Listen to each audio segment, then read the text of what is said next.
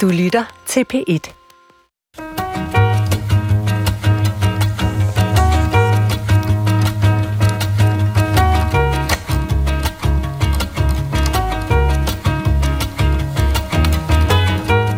De burde få dem en affære. En skandaløs affære. Noget, der kan løsrive dem fra den håbløse småborgerlighed, de lider af. Birte Nøgman giver den fuld skrue som Karen Bliksen i Bille Augusts film Pakten. Og hvilket sprog kan vi i dag bruge om den verdensberømte forfatterinde, som efter eget udsagn var heks, og efter andres mening var både kolonist, kapitalist og måske endda også racist? For du er nemlig stillet ind på Klog på Sprog, stedet hvor vi ser på verden gennem det sprog, som vi bruger ånden. Og Karen Bliksens sprog og måden, vi taler om Karen Bliksen, er det, jeg vil blive klogere på i dag. Og til det formål har jeg inviteret direktøren for Karen Bliksen Museet på Rungsted Lund ind i studiet, Elisabeth Nøjgaard. Velkommen til dig, Elisabeth. Tak. Elisabeth, øh, vi kan jo lige så godt hoppe i det, som vi kan springe i det. Altså lad mig starte med at spørge lige ud af posen. Var Karen Bliksen racist? Til det kan jeg kun svare ja og nej. så er vi godt i gang. Jeg går ud fra, at du kan uddybe det lidt senere, Elisabeth. Det gør jeg gerne. Det gætter jeg på.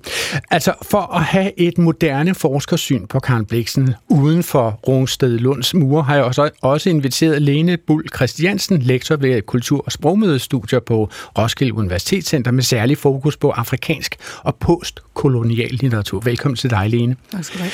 Lene, altså, hvordan arbejder man i øjeblikket? Jeg ved, det er muligvis lidt stort spørgsmål, mm-hmm. det her, men det kan være, at du kan sige det kort. Altså, hvordan arbejder man i øjeblikket i sådan de litterære forskermiljøer med at revurdere Karen Bliksens forfatterskab, hvis man skal kigge på det med moderne woke-briller? Grundlæggende tror jeg, at man ser på det som et øh, historisk dokument. Altså, det er en øh, roman, og romaner, fortællinger, som i høj grad er bundet i deres tid. Hmm. Og det vil sige, at man, man går tilbage og kigger på, hvad andre mennesker har sagt omkring Karen Bliksen på det tidspunkt, hvor hun har sagt det. Nej, men man behandler det jo selvfølgelig med, med de øjne, som vi har i dag, og så siger man, jamen, altså, hvordan adskiller det verdensbillede, som øh, man kan finde i den her bog, så fra, fra det verdensbillede, vi for eksempel forsøger på at, fremme i dag, kan man sige. Ja.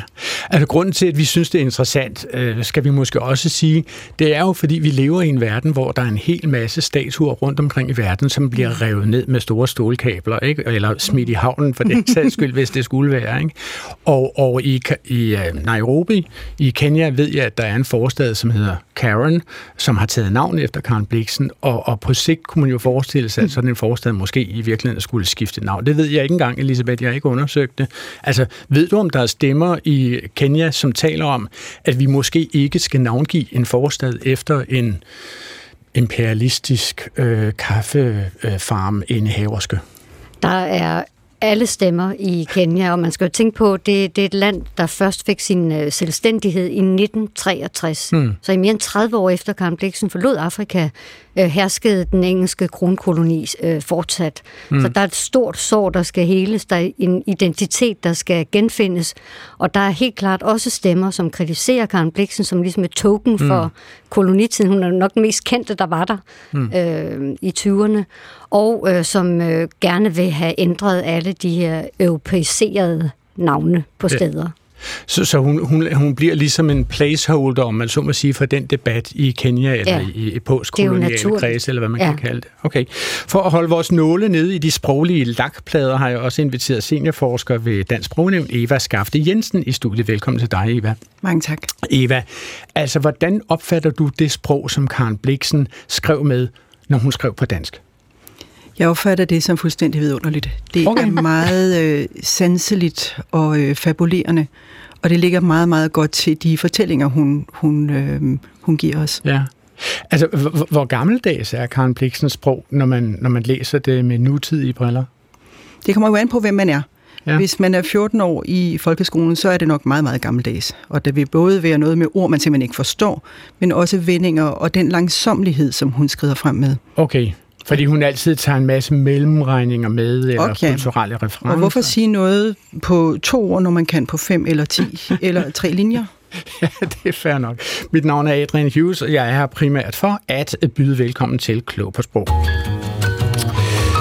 Vores anledning til at besøge Karen Bliksens eget sprog og sproget om Karen Bliksen er jo som nævnt filmen Pakten, som beskriver en skæbneleg, som Karen Bliksen legede med den unge forfatter Torgild Bjørnvi. Altså ifølge Bjørnvi, som skrev en bog om det, så indgik det en pagt, hvor hun ville gøre ham til en stor forfatter, mod at han med i grove træk hud og hår og det hele, lagde sit liv i hendes hænder.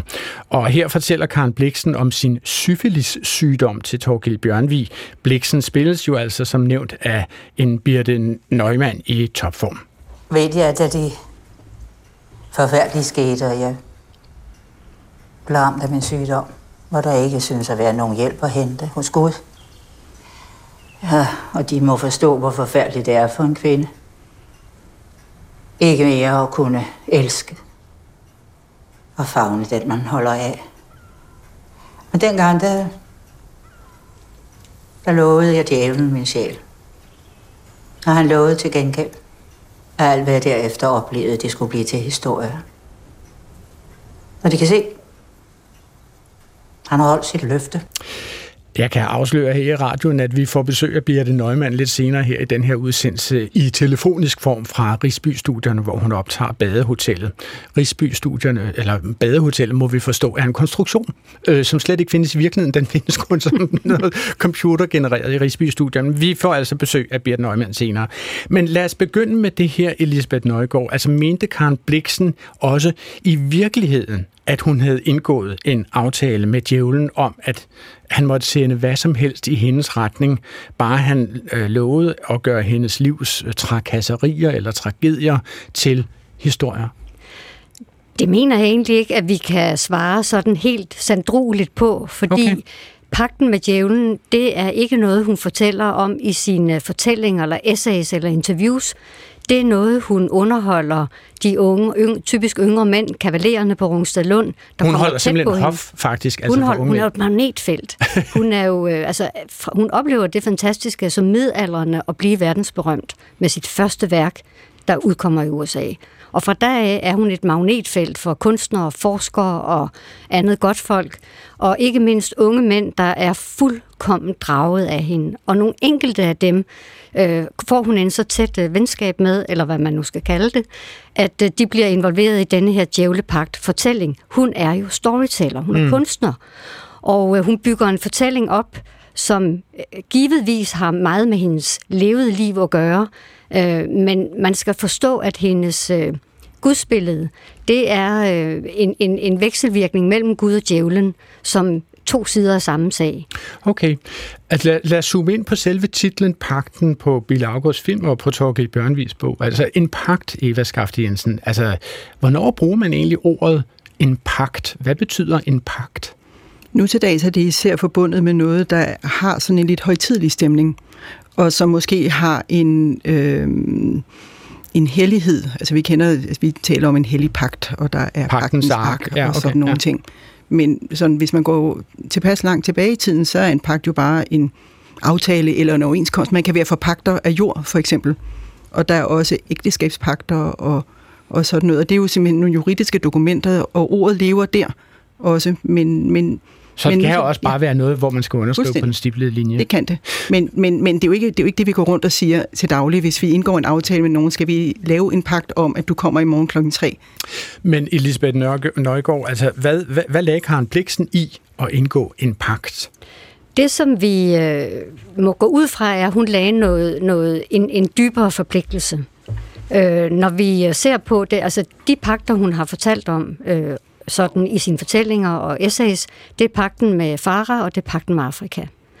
Men så ved vi fra øh, hendes lillebrors øh, dagbøger og breve, og vi ved fra øh, fortællingerne fra ikke bare Torkel Bjørnvig, men også litteraturprofessoren O. Henriksen og en ung atomteoretiker, der også kom ind i Bliksens Spind, at hun også talte om den her djævlepagt. Og for hende har det været noget, noget man kan sige guddommeligt djævelsk, men det har været en, en konstruktion, hvor man underlægger sig noget, der på en måde er i et højere plan, større end en selv. Altså for at indgå en pagt med et land, Afrika er kæmpestort, det, det er jo, det er jo en, en kunstig konstruktion. Mm. Men i Karen Bliksens univers giver det vældig god mening, fordi det er, at hun overgiver sig totalt til et lands øh, magi og kraft. Okay. Men hvor meget virkelighed er der i selve den her pagt mellem Torgild Bjørnvig og øh, Karen Bliksen? Altså, så vidt jeg forstår, har vi kun pakten beskrevet som sådan fra Torgild Bjørnvig. Han har udgivet øh, først en bog, og så reviderede han den en smule og genudgav den senere. Men han, har, han, han, han er jo den, som har skrevet om det. Ja. Har vi det kun fra Torgild Bjørnvigs øh, pen? Vi har jo breve.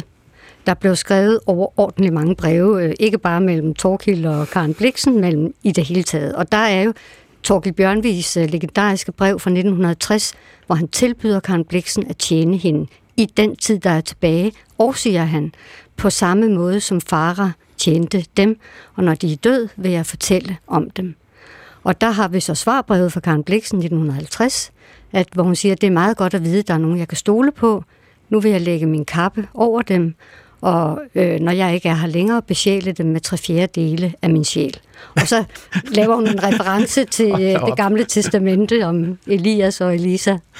Ja, det er altså fantastisk. Jeg, jeg ville også indlede mig på en korrespondence med øh, en ældre kvinde, som, som skrev til mig på den måde. Jamen, der. Hvem kunne sige nej? nej hun var jo, ikke. Øh, som Torkel Bjørnvi siger, det var grænsesprængende ja. at møde Karen Bliksen. Ja.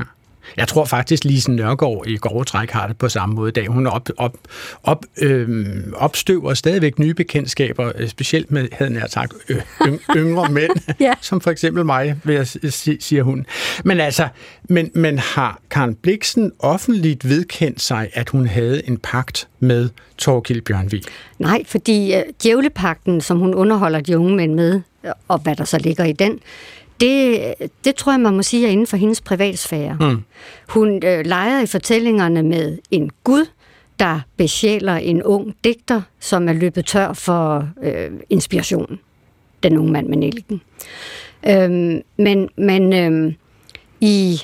Prøv lige at sige de spørgsmål igen. Jamen altså, har hun, har hun, sådan, har hun forholdt sig og offentligt ja, til præcis. sin pagt? Altså, nej, har hun skrevet det, om det? Nej, ikke pagten med Torkel Bjørnvig, men det hun gør, det er, at hun hæver det til kunst.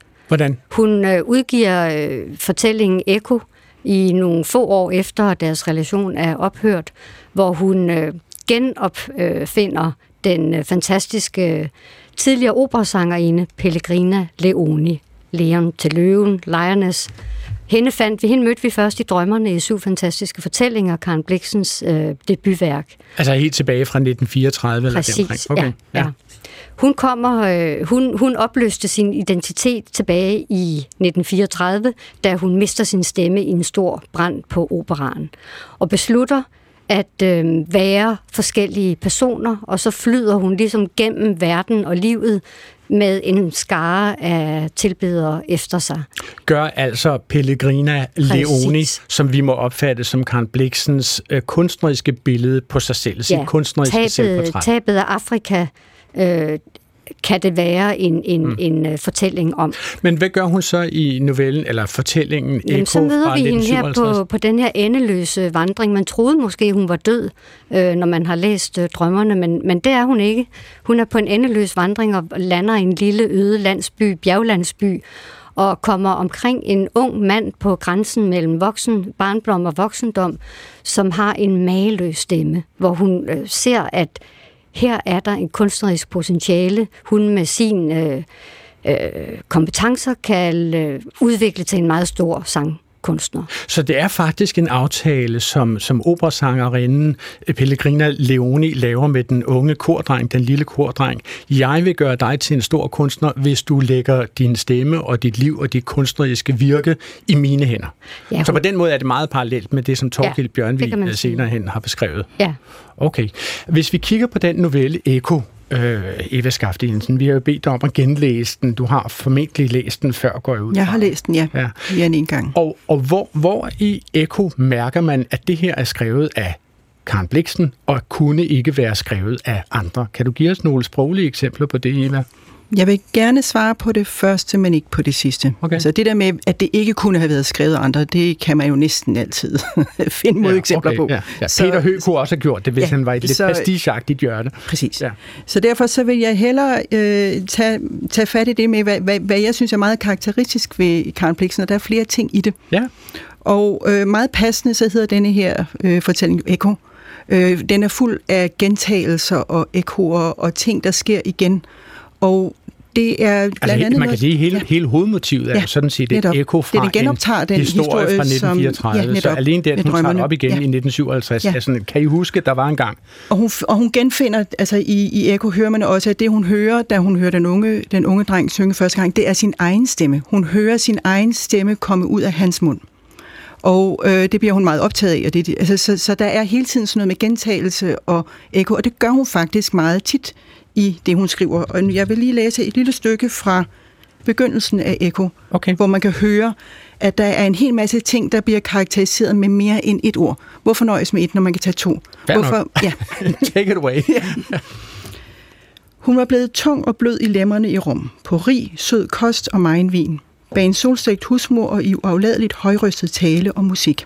Hun måtte stanse for at få sit vejr, i det hun stod stille, følte hun kulden og ensomheden som en lykke. Hun tænkte, det er da en underlig by. Man føler det, som om man kunne forblive her. Hun mærkede, at hun var sulten efter det hastige opbrud og rejsen. Som barn var hun mange gange gået sulten i seng, Gennem den flygtige smerte i sine indvolde blev hun igen den letfodede, det letfodede glupske pigebarn, som dengang havde spillet næseborene op mod aftenluftens tilsætning af forekød, olie og ost.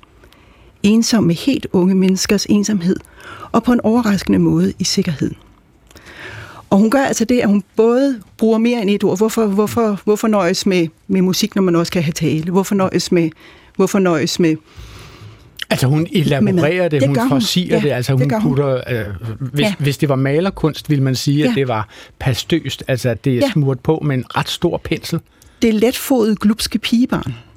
øh, altså, hvorfor nøjes med at gøre hende letfodet, og hvorfor folde det ud i mange sætninger her? Hellere, hellere gøre det mere komprimeret. Så man er nødt til hele tiden at være opmærksom, når man læser, men man får jo så også den belønning, som er, at man bliver mættet med også den sanselighed, der ligger i, i øh, karakteristikkerne. Altså alt det hen mod slutningen, hvordan man kan næsten mærke, man kan næsten mærke lugten af mad i den lille by, hun er kommet til. Hmm. Øhm, og det synes jeg er meget karakteristisk. Altså både de mange gentagelser, men også at det er meget sanseligt. Så hun bruger alle sine sanser, altså Ja. alle øh, menneskets ja. fem sanser, eller hvor meget det er, seks sanser eller sådan noget. Ja, lad os ikke til. og, og, og, og pløjer, og pløjer ja. Det alt sammen ind i Ja. skriften. Det gør hun. Og hun gør det også i sine temaer. Her handler det jo om, om, om gentagelser og ekoer og så videre. Og man kunne sige meget af hendes, altså hele hendes øvre er måske et tema med variationer. Hmm. Og det kender vi fra musikken.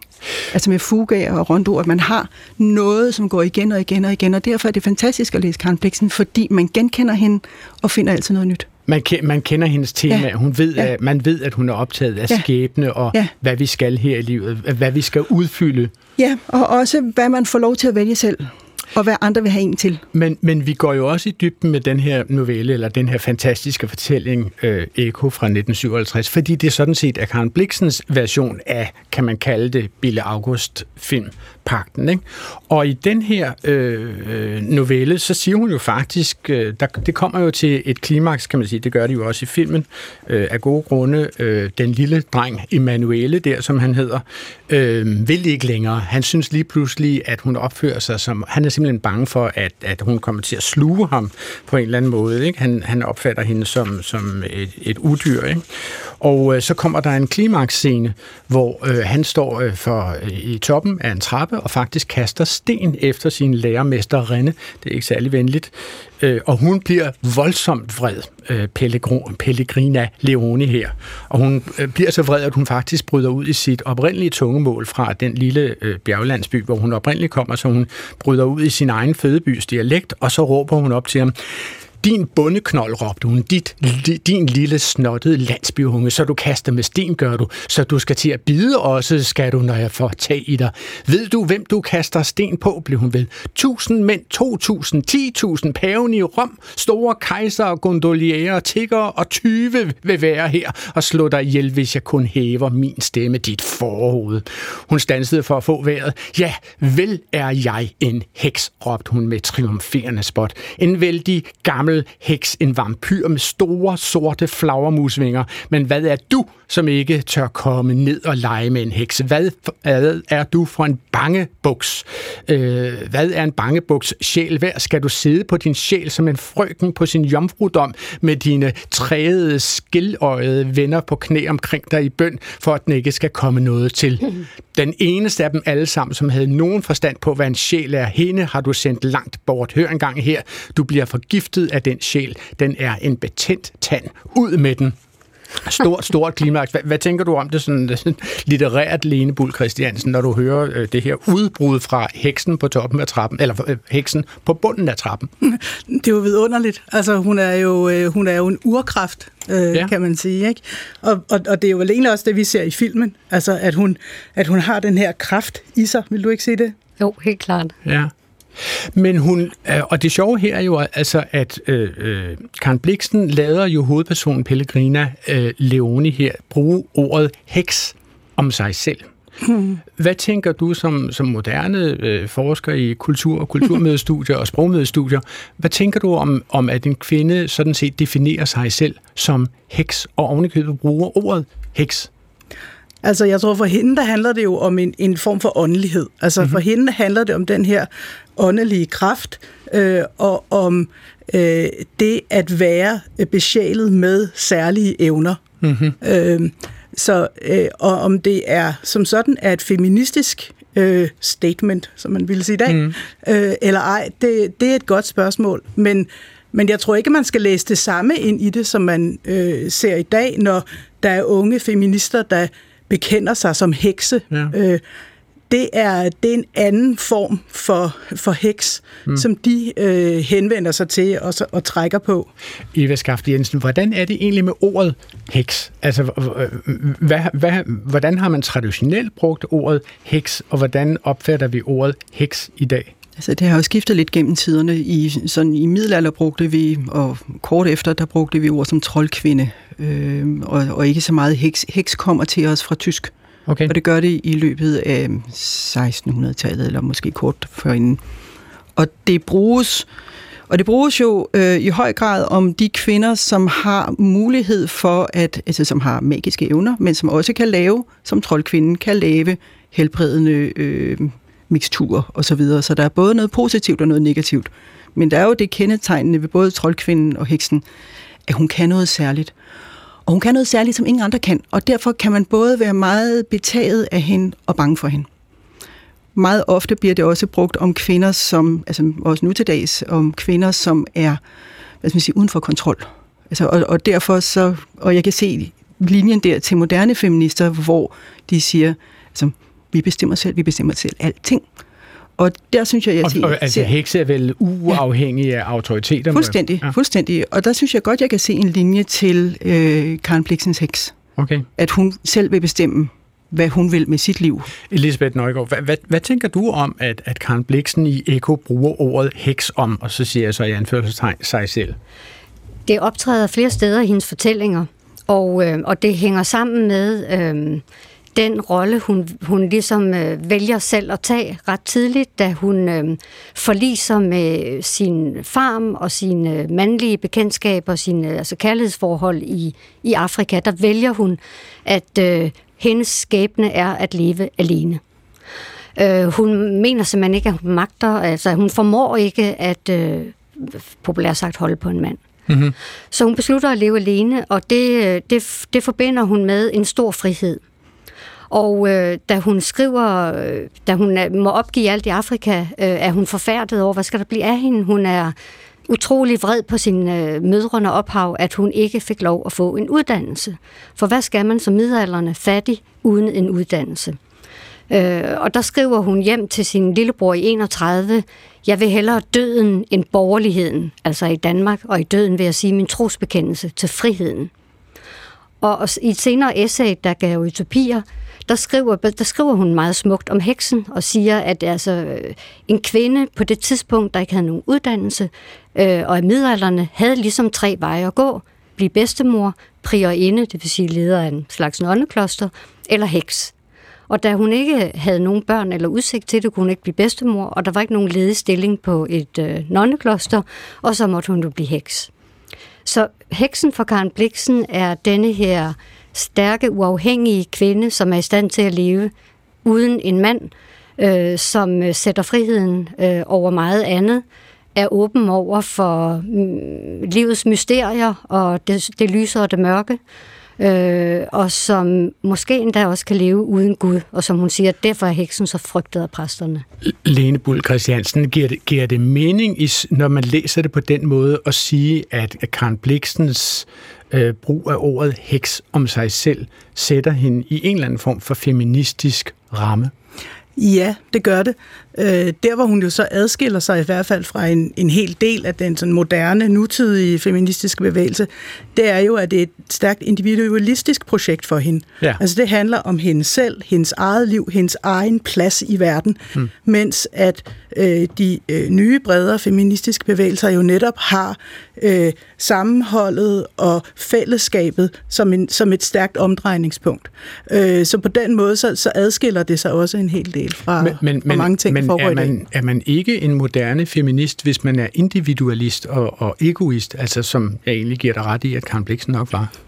Altså ligger der ligesom i feminismen, at øh, den også skal have en kollektiv ethos, siger jeg så? Det er jo i hvert fald det, der er mest fremtrædende i dag. Altså der har jo været og er mange feminismer, kan man sige, på gang, øh, og der er selvfølgelig også en hel del øh, på gang nu, men det er stadigvæk øh, ikke det, som er det mest fremtrædende for tiden. Okay. Du lytter til Klog på Sprog, og vi, skal, vi taler i dag om Karen Bliksens eget sprog, og vi taler om sproget om Karen Bliksen i anledning af Bill August film øh, Pakten, og jeg har besøg af Elisabeth Nøjgaard fra Rungsted Lund Museet og Lene Bull Christiansen fra Roskilde Universitetscenter og af Eva Skafte Jensen fra øh, det danske øh, fra Dansk Sprognævn. Og øh, når vi taler om Karen Bliksens syn på verden i dag, så bruger vi jo begreber, som knap nok var opfundet på Karen Bliksens tid, og nu går jeg lidt længere ned i det, som er stærkt kontroversielt i dag, måske det mest kontroversielle, nemlig begrebet racisme. Karen Bliksen kom jo til Afrika for nu mere end 100 år siden, altså i 1912, før den store krig, som hun kalder den. Det var, dermed mener hun altså første verdenskrig. Det var jo dengang, man stadigvæk troede, at der kun kom én stor krig. Og, og der i 1912, så blev hun helt fra starten af bedåret af et særligt folkefærd, nemlig dem, der kom fra Somalia og somalis var fra den dag, jeg først traf dem, uimodståelige for mig. Men sådan var det ikke for alle. Jeg kom ud til Kenya inden den første store krig. Og de mennesker, der der var derude, var folk, som var rejst ud, fordi de elskede den slags liv. Og disse folk havde i almindelighed somalitjanere, de følte det som en rigdom, som en ejendomlighed, der hørte til landet. Så gik der fem år under krigen, hvor der ingen nye indvandrere kom. Og de, der kom senere, kom ud for at tjene penge. Og jeg tror, at for hele deres indstilling til landet, var somalis lige så utålige, som de for mig var uimodståelige. Derfor var min egen særlige kris af venner på en måde karakteriseret som de folk, der havde somalijanere, og for hvem et hus uden en somali ville være som et hus uden lampe eller ild.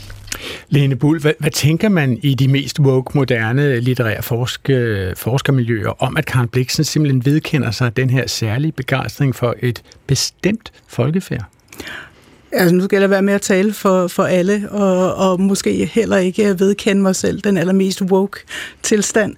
Men det, det er jo interessant, at hun ligesom har den her øh, næsten fetish-agtige mm. øh, idé om, at, at de er noget særligt, og, og at hun også jo grundlæggende simpelthen sammenligner dem med et møbel.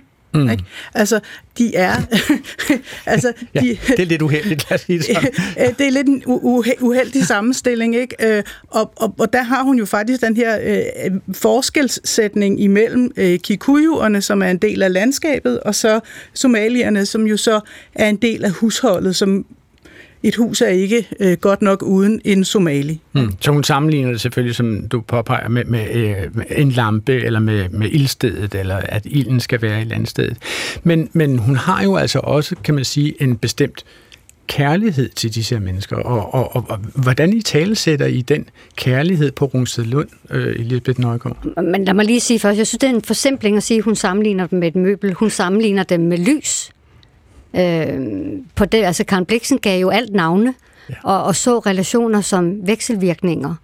Øh, så så øh, ja, uden lys, intet mørke. Ja, okay. Men, men man kan sige, altså det, det lyder jo som om, at, altså, at hun havde det her... Det, Lene Bull har jo lige øh, sagt ordet fetish. Altså, det er jo lige før, det er grænser til det kinky. Hvordan det forhold, hun havde til somalierne. Hvordan griber I det an på Rungsted Lund?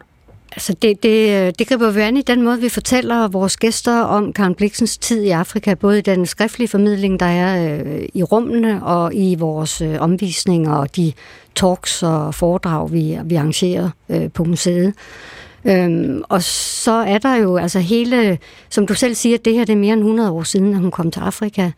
Øh, hun skriver Den afrikanske farm som sit andet værk, Øh, men allerede mens hun skriver på, og har lavet en aftale med det amerikanske forlag på syv fantastiske fortællinger, skriver hun til sin amerikanske forlægger, at jo, hun vil skrive om Afrika, men hun skal have det på afstand. Øh, og det hun ønsker, det er at skrive en kritik af, af, af englændernes færd, de hvide folks færd i Afrika. Okay. Øh, så sådan er den, er den afrikanske farm kommet i stand. Og Man kan jo sådan den... set allerede høre det klip, vi lige har spillet, at, at hun sondrer jo også mellem hvide mennesker, altså settlers, altså kolonisterne i... Hun kalder i, englænderne for en race. Ja. ja, og så siger hun jo også, at der var, der var simpelthen forskel på dem, som kom før den store krig, og dem, som kom efter den store krig. Dem, som kom efter den store krig, de kom jo for at tjene penge. Øh, skam på den, der tænker helt om. Det, det gjorde hun jo sådan set også selv. Ja, det vil jeg nok mene, at Karen Blixen gjorde, eller ideelt set gjorde hun i hvert fald. Jeg vil lige spille et klip til, altså man kan jo altså, virkelig dykke ned mange steder i Karen Bliksens taler og i hendes øh, breve og så videre, hvor, hvor hun siger noget, der minder om det her. Nu, nu skal I høre, hvordan hun taler om masajerne, som jo er et særligt folkefærd, som udmærker sig ved øh, altså kropsligt at være ret høje og, og tynde, og hun taler med øh, Statsradiofoniens fremmeste interviewer Karl Bjarnhoff om det. Det er en helt anden slags end de amerikanske næger. De er så smale, de her folk. Og folk, der hedder masajer, når et krigerfolk, de er meget, meget små. De var ellers ikke meget populære, men jeg var så god ved dem. De smukkeste folk, de har set. Ja, man skal jo så lægge sin idé om, hvordan et menneske skal se ud lidt om. Et, et hvidt man vil jo ikke så godt ud og sådan, men det er, altså, det er sådan en mærkelig stil. Jeg er ligesom vilddyr. Meget smukke manier, sådan en smuk gro overalt, det gør. Men naturligvis, allerede da jeg kom, var massajerne, de har jo taget deres våben fra dem, de måtte ikke slås, og det er et krigerfolk, så så blev de jo demoraliseret ret hurtigt. Det var ligesom Zuluerne, ved de, de var også organiseret på krig. Altså Elisabeth Nøjgaard, det må jo være svært at løbe fra, at Karen Bliksen opfattede, skal vi kalde det, mangfoldigheden af det sammensatte afrikanske patchwork-tæppe som værdifuldt netop fordi det bestod af forskelligartede elementer, og at hun generaliserede sine erfaringer på baggrund af folks race. Så altså, for at vende tilbage til dit svar på mit første spørgsmål, det, det er vel en tilståelsesag at sige, at hun var racist? Hun var jo øh, i hvert fald øh, racialiseret, påvirket af, af den øh, kontekst, hun øh, befandt sig i. Man kan sige, at hun var, hun var vidne til øh, kolonialismen i, i Kenya. Hun var en del af den, øh, men hun øh, kritiserede den også. Mm-hmm. Og hun, var, hun, kommer til, øh, hun kommer til Afrika øh, som 28-årig, og er vældig dannet og belæst, super intelligent, men jo totalt uerfaren på at komme til at skabe sig en, et landbrug, en startup, øh, som hendes øh, nygifte mand øh, stort set ikke befinder sig på, fordi han er på safari eller har affære. Så hun står forholdsvis alene med det, og, og skal på en eller anden måde indordne sig. Men man kommer ikke udenom, at hun er hvid. Hun lever øh, på, på, øh, på den øh, platform, som øh, det britiske styre har skabt som, som øh, en, en gryende kolonimagt, og, øh, og, og, og drager fordelene af det. Mm-hmm.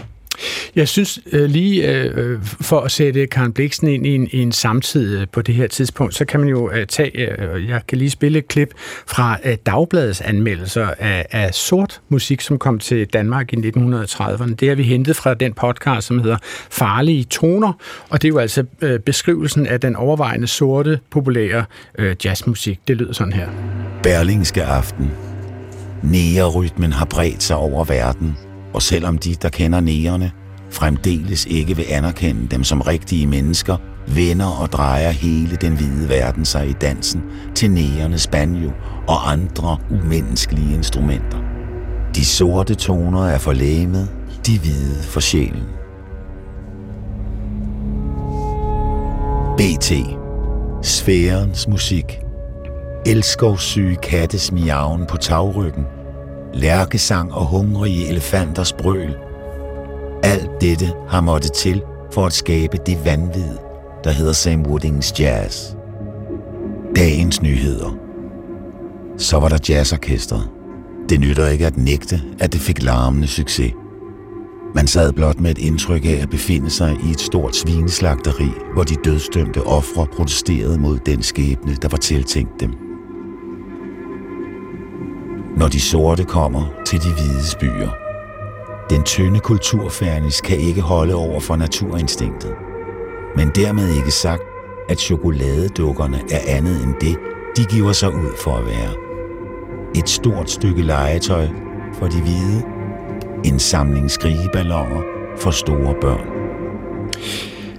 Lene Bull Christiansen, ville man kunne spille det her klip ved en undervisningssession på Roskilde Universitetscenter uden at, at dreje på øh, luftalarmen øh, og sende en sirene ud om, at øh, nu er det ikke længere et safe space, vi opholder os i her? altså, jeg øh, er jo en stor fortaler af at lade folk analysere det, som har, øh, har været vores verdensbillede. Jeg synes, mm. det er enormt vigtigt, at vi kigger på, hvad var det for et verdensbillede, som, som var der på det her tidspunkt? Og man kan jo sige, at altså, den afrikanske farm kommer jo øh, til verden på et tidspunkt, hvor at man i høj grad er optaget af race, øh, hvad hedder det, øh, og man har en grundlæggende idé om, at øh, sorte mennesker er ikke lige så gode er ikke ligesom hvide mennesker. Mm. Det, det, er hele, det er hele grundideen i, øh, i det europæiske verdensbillede på det her tidspunkt. Nu, jeg kan simpelthen ikke lige huske på stående fod, altså hvornår kommer den afrikanske farm? Sidst i 30'erne. Sidst i 30'erne, okay. Ja, så det er jo ved at brænde fuldstændig sammen, kan man roligt sige, i Tyskland på det her tidspunkt. Men, men, men Tyskland, altså nazisterne repræsenterede jo en raceideologi, som var relativt fremherskende hos mange, også mere moderate øh, konservative politikere og andre. Ikke? Men altså, den kommer jo også i USA på et tidspunkt, hvor man jo har Jim Crow-lovgivning, altså raceadskillelseslovgivning, øh, og, og man havde jo en, en høj grad af, af alle mulige racistiske stereotyper i populærkulturen på det her tidspunkt. Ikke? Mm. Øh, og i sådan den fine afdeling kan man jo øh, nævne, at øh, øh, filmatiseringen af Borte med Blæsten øh, kom jo et par år senere, mm. og der var Hattie McDaniel, som var øh, den skuespiller, der spillede Mammy-rollen i filmen. Øh, hun fik ikke lov til at være med til premieren i Atlanta, øh, fordi hun var sort, øh, og hun var også nødt til at sidde ved et segregeret bord under Oscar-uddelingen, selvom hun jo faktisk vandt en Oscar for sin rolle i filmen. Ja. Og det siger jo noget om, hvad det er for en verden, og hvad det er for et verdensbillede, som det her føder ind i. Ikke? Og, og er det meget vigtigt, når man kigger på det her, at se det verdensbillede sammen med Karen Bliksens litterære øvre? Ja, fordi det er jo øh, hendes bidrag til det her verdensbillede, mm. øh, som øh, afrikanske forfatterkolleger kritiserer hende for. Ja. Altså, Eva Skafte Jensen, når, når du sådan læser sådan løsligt ud over Karen Bliksens forfatterskab, som du åbenbart gør sådan relativt regelmæssigt, altså er der, er der, noget, ved, er der noget i hendes tekstmasse, øh, som forekommer dig racistisk, når du læser det med nutidige briller? Jeg vil sige, at jeg genkender nogle af de skildringer med, med, med, med samtaler med, med, med tjenestefolk og så videre. Men faktisk er det mest fortællingerne, jeg læser. Mm. Og der synes jeg egentlig ikke, at det er særlig fremherskende. At der, det er sjældent, vi hører om Masai og Somalier. Nej, det er altid ja. folk, som, ja. som bor i Pisa og Venedig og, ja, ja. og, ja, ja. eller Helsingør. bevæger sig i fyrstepaladser ja. og kan noget med ja. højstilkede glas. På herregård rundt omkring i Danmark. Og så siger du, Elisabeth? Ja. Jamen, jeg synes ikke, man kan komme udenom, at den afrikanske farm øh, hvis man læser den i vores tid, uden blik for, hvad det var for en tid, den udkom i, så er der uhyrlige statements i den. Det ja. kan man ikke komme udenom. Nej, okay. Men det, der er så unikt også i den, er, at hun, øh, hun, øh, hun, hun betragter, men hun lader også sig selv og englænderne betragte, og siger for eksempel, gav vide, om de lokale folk ikke betragter øh, hende som øh, squatter på deres land, hvor de jo har fået rollen som squatter på, på Der skal man jo lige vide, at squatter på engelsk betyder jo simpelthen besætter. Ja. Altså det er folk, som uretmæssigt besætter land, som ikke tilhører dem, og bygger en lille shantytown med tilfældige blikskuer og tager osv. Ja. Der kan man godt argumentere for, at Gikuriorerne var på Karen Bliksens lande øh, længe før hun var det, kan man ja, sige. Så, så gør hun jo det her geniale, at hun, øh, hun dømmer ikke, øh, altså hun kritiserer englænderne, men hun lægger ligesom sine betragtninger åbent, og hun giver en, en personlighed, øh, som ikke er set mange andre steder i litteraturen, i hvert fald på det tidspunkt, til dels Kamante og, og Fare. Ja. Og så siger hun jo selv senere, øh, i, senere i 30'erne, da hun holder øh, et foredrag, hun turnerer med, at øh, man kan ikke øh, bestemme øh, slagets gang i sin samtid. Man er nødt til at se på det her i historiens lange lys, og at eftertiden kommer til at dømme det, hun kalder de hvide folks færd ja. i Afrika. I det klip, jeg spillede før, der forstod man jo også, at, at hun omtalte, øh, jeg tror det var Masajerne, hun kaldte som vilde dyr, eller sådan noget den stil. Og, og, og generelt kan man jo sige, det gennemsyrer Karen Bliksens blik på Afrika, at Afrika er en naturlig urkraft, som har sin helt egen eksistensberettigelse og er ustoppelig, og hun er meget stærkt fascineret af den som en naturlig kraft. Altså, er der dele af Karen Bliksens syn på Afrika, som ligesom får lov at overvintre i den måde, vi i dag anskuer Afrika, alene, Bull Christiansen? Ja, altså det er jo ikke bare hende, der har fundet på det. Altså, hun, øh, altså vi, vi, kan, vi kan godt lide det, fordi at det er fantastisk litteratur. Det er enormt smukt. Øh, men den her grundlæggende idé om øh, afrikanerne som nogle særlige væsener, der på en eller anden måde er øh, groet op af jorden i Afrika, og, og er øh, derfor øh, væsensforskelligt anderledes øh, end europæerne, det er jo en grundfortælling i hele det koloniale verdensbillede. Ikke? Mm. Øh, så den har hun ikke selv fundet på. Men øh, grunden til, at øh, man bliver ved med at vende tilbage til og kritisere den måde, det bliver beskrevet på hos hende, det er jo netop, at det er så smukt, det er så forførende, og det er pakket ind i den her overvældende kærlighed, hun har til det. Hmm. Ikke? Øh, så øh, man øh, kan meget let læse Karen Bliksen og tænke, hun elsker jo Afrika. Hun elsker afrikanerne. Øh, og det, det, det gjorde hun jo også selv. Øh, men, øh, men den den kærlighed, den, den er ikke det samme som den kærlighed, hun for eksempel følte for Dennis Finch Hatton, vel? Mm. Men, men man kan sige, at det helt grundlæggende med Karen Bliksens tilstedeværelse i Afrika er jo naturligvis, at hun altså øh, ved hjælp af sin øh, forældres penge, sin mors penge især, så vidt jeg husker, øh, køber adskillige farmer og lægger dem sammen, så hun ender med at have et landområde på størrelse med Lolle eller noget af den retning der. Ikke? Hun er jo simpelthen imperialist efter en fuldstændig klassisk definition af det. Nu er det et meget lille stykke land, rent faktisk, hun har i forhold til mange af de andre, men lad nu okay. det ligge. Fair nok. Var, var det Samsø eller Lolland? Det kommer altid men, men det kan man jo, altså det man jo kan sige, det er, at det er jo også, så hvis man skal kigge indad i, i den danske og den sådan skandinaviske folkesjæl, det er jo sådan også en grundfortælling, vi har om os selv i forhold til mm. kolonitiden, at øh, vi var meget bedre end de andre. Ja. Vi var ikke lige så onde som englænderne, som belgierne, øh, som portugiserne. Øh, og, og, og det er jo netop den fortælling, man får ja, øh, i den afrikanske farm, ja. at, at øh, ja, englænderne var nogle værre nogen, men, men, men skandinaverne er lige altså nummeret bedre. Men Elisabeth... Ej, det, det, det, det er mere, øh, jeg synes, det er aristokrati, de engelske gammel, gammel aristokrati, som ligesom øh, ikke har nogen store godser og arve i, i øh, England, og som hun bliver venner med, som har lidt samme øh, livsholdning som hende. Hun mener, de har ligesom en højere standard end de der, der bare skal tjene penge. Men jeg synes, at det, man må sige om den afrikanske farm, er, at det giver os en genial platform for at have en dialog om, hvad kan vi lære af vores historie? Hvordan kan vi blive bedre til at øh, omfavne alle de diverse synspunkter, der er i vores samtid, med et blik på, at andre vil se anderledes på det, når de ser tilbage på os. Det forstod Karen Bliksen, og det er jo, det er jo en genial åbning til dialog og ja, åbenhed. Så, så er det sådan set et fokusområde for, for, for jer på Rungsted Lund, at I forsøger at sige, lad os bruge Karen Bliksen som en prisme til at undersøge, hvad for eksempel kolonialismen var for en størrelse? Og absolut, så absolut. Her i efteråret har vi de første tre talks, hvor vi har inviteret en række forskelligartede unge kunstnere til at komme og tale om øh, racegørelse og ulighed og kunsten, øh, som tager et naturligt afsæt på Rungsted Lund, fordi Karen Bliksen øh, rører ved mange vanskelige spørgsmål. Så fik vi det på plads, vil jeg sige. Altså, vi begyndte jo dagens udgave af Klog på Sprog med Birte Neumann og hendes præstation som Karen Bliksen, og nu har vi jo hørt Karen Bliksen selv ret mange gange her i programmet. Nu synes jeg lige, vi skal høre Birte Neumann igen i rollen fra filmen øh, Pakten, instrueret af Bill August. Ved I, hvorfor der er så mange mennesker i dag, der er ulykkelige? Det er fordi, de ikke mere bliver opdraget til at være modige.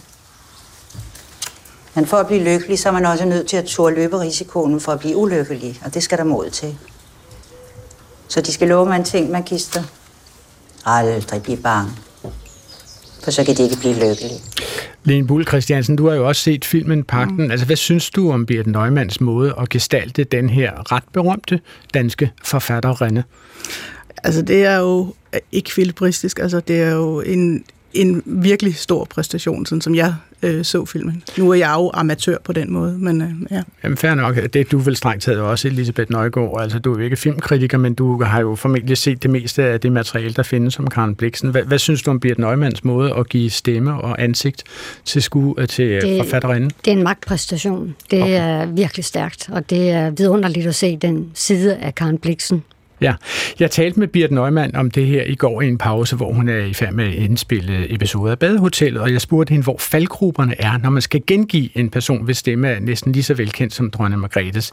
Og her er øh, Birte Neumann svar på det.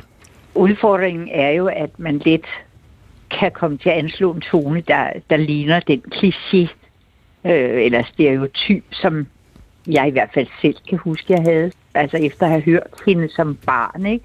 Så havde jeg hendes stemme i mit hoved, som man nogle gange kunne kalde frem og karikere og, og, og gøre nar af, ikke? fordi hun havde en meget speciel stemme. Og hvad syntes du karakteriserede Karen Bliksens stemme? Jamen, det er, nu taler jeg om det indtryk, jeg havde af hende, før jeg begyndte at arbejde med hende. Det er sådan en ret utræret diktion, hun har. Men hvis du begynder at arbejde med det, så er det, at man opdager, at øh, det, som jeg kan forestille sig, som, så bliver det krukket eller sådan tilstræbt aristokratisk, i virkeligheden bare er et, øh, et udtryk for en, hvad skal jeg sige, dels tilhørte hun jo en aristokratisk klasse, ikke? Ja. Og dels var hun væk fra Danmark i mange år, kommer tilbage, så det vil sige, at hendes dansk har måske nok været præget af, at det har, er været en anelse gammeldags. Men til gengæld, så var det, havde hun jo et utroligt smukt sprog. Fordi hendes behandling af vokalerne var... Øh, altså, hun havde noget med, at hun at lagde alle sine, sine vokaler i sproget. Dem lagde hun mørkere og mere bagtungagtige end vi Nå, kan du give et eksempel på det, Birte? Øh, altså for eksempel, hvis du siger et eksempel, så har hun et, et eksempel. Altså hun trækker det længere tilbage, hvis du forstår. Jeg ikke ja. for jeg kan ikke tale som hende nu. Men altså alle vokalerne bliver, de bliver mere åbne, og de kommer bagud. Og så bliver de nasaleret. Så har hun en, en, også en anelse nasal. Ikke en snøvl men en smule nasal. Og, øh, og så, fordi hun er en dame med det kæmpe format, hun har, så, så øh, har hun det også med at farve øh, sine ord. Du ved, hun forlænger nogle, hvis du sige, en farve, for eksempel. Der var en smuk farve på himlen. Hun øh, trækker ligesom sit sprog en anelse, og det, det giver en, en meget øh, en autoritet. Eva Skafte Jensen, hvad synes du om Birte Neumanns analyse af, af Karen Bliksens sprog? Jeg synes, den er vældig fin, og jeg er vældig glad for, at hun tager fat i det med, at man øh, nemt kan komme til at lave en form for pastiche eller mm. en kliché, mm. hvis man prøver på at gengive, øh, gengive Karen Bliksens ja, sprog. Hun, hun taler om, ja. om, om risikoen ja. ved at lave en karikatur Nemlig. af det, ikke? Altså som Ulf Pilgaard, som ja. laver dronningen, eller sådan noget den stil. Ja, og det er meget ofte sådan, når vi hører sprog fra ældre tid, at så har vi en opfattelse af, at det lyder meget gammeldags. Altså hvis man hører øh, små, små drenge tale i 1970'erne, eller i begyndelsen af 70'erne i i Danmarks radioprogram, så lyder det meget fint og gammeldags. Men det kan være, at det bare er nogle drenge fra Nørrebro, der siger noget til der siger noget til en interviewer. Så selve det, at der er tidslig afstand, ja. det gør, at det nemt kan komme til at lyde mere fint, end man egentlig synes, øh, end, end, end det egentlig er, taget på sin egen tidspræmisser. Men, men der er vel nogle ting på fære i Karen Bliksens sprog. Altså, der er vel Absolut. for det første en sociolekt, altså hun tilhører ja. en bestemt øh, ja. samfundsklasse, går vi ja. fra. Ikke? Og også i en ældre model. Ja. Altså, apropos, hvis man, hvis man selv har været væk fra Danmark meget, meget længere og kommer ja, tilbage, det er jo, så, er, så ja. er det sprog, man taler om, hvis man er flyttet fra Danmark i 20-årsalderen eller 25-årsalderen og kommer tilbage som 50-årig, mm. så taler man det dansk, som man talte i Danmark for 25 år siden. Og er det, ja. er, er, er det ikke det, der hedder en kronolekt? Jo, det er en kronolekt. Når okay, man, så når vi man, har både ja. sociolekt ja. og kronolekt ja, i Karen Bliksens ja. sprog. Ja. Øh, og så er og der så muligvis er der også en dialekt, altså, ja, når der er ja. kunstneriske selvfølgelig. Ja, altså det er det, som Birte Neumann også taler om her, ja. altså hvordan hun farver sine ord. Ja. Øh, trækker dem lidt længere, øh, lægger lidt ekstra tryk på dem, trækker vokalerne lidt ud. Og de folk, som hun omtalte tidligere, dem som øh, hun godt kunne lide, dem der kom til, til Afrika før krigen, de kom der til, fordi de godt kunne lide det liv, man havde der. Ja, der var næsten altså, F i liv. Ja, netop. Ja, det var lige før, man ja. hørte et F ja. der. Ja. ja. Det var ret vildt. Og, øhm, og det øh, er dels i overensstemmelse med både kronolekt og sociolekt, men det er også sådan, at man, hun udtalte på med, med, med så, jeg vil ikke sige eftertryk, men så, med så stor omhu, at man lægger mærke til det, og man husker det bagefter. Ja.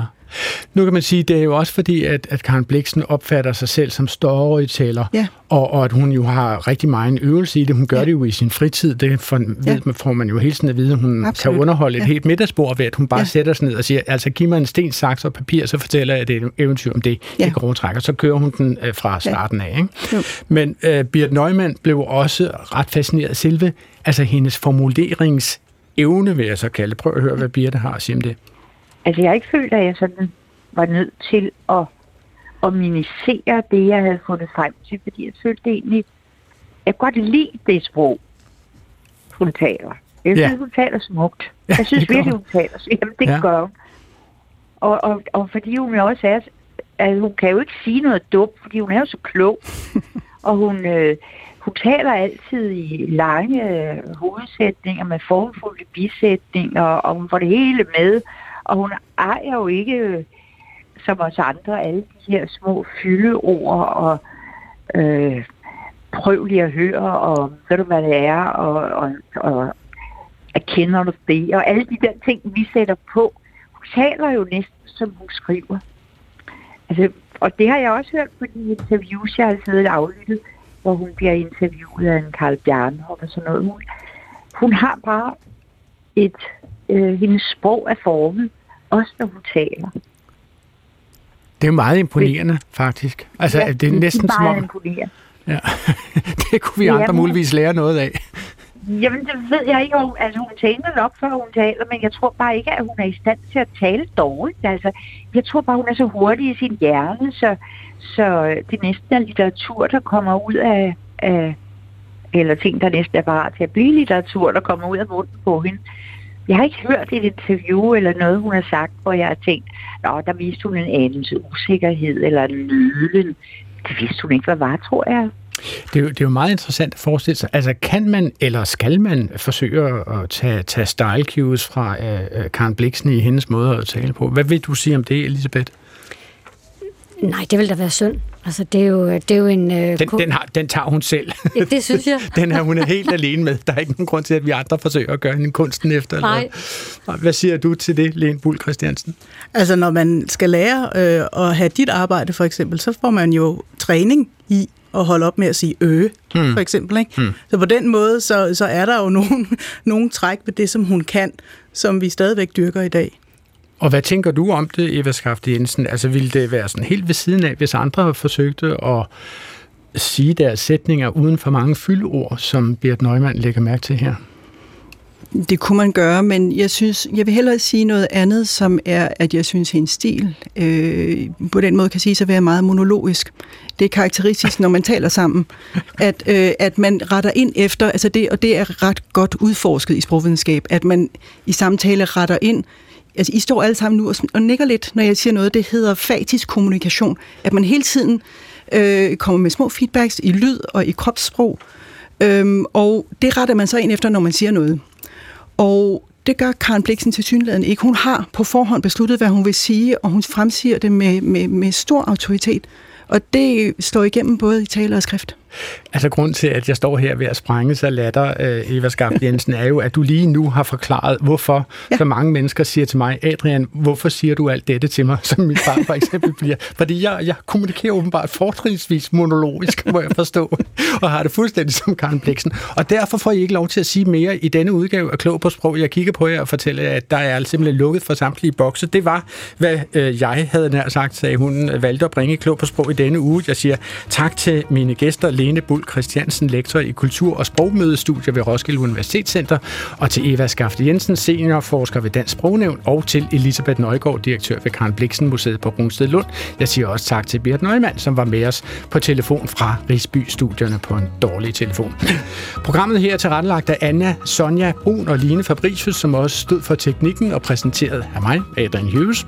Vi bliver glade for mails til os med spørgsmål og kommentarer på klog på sprog, dr.dk, og så siger jeg bare på genhør næste fredag op til middagsradioavisen.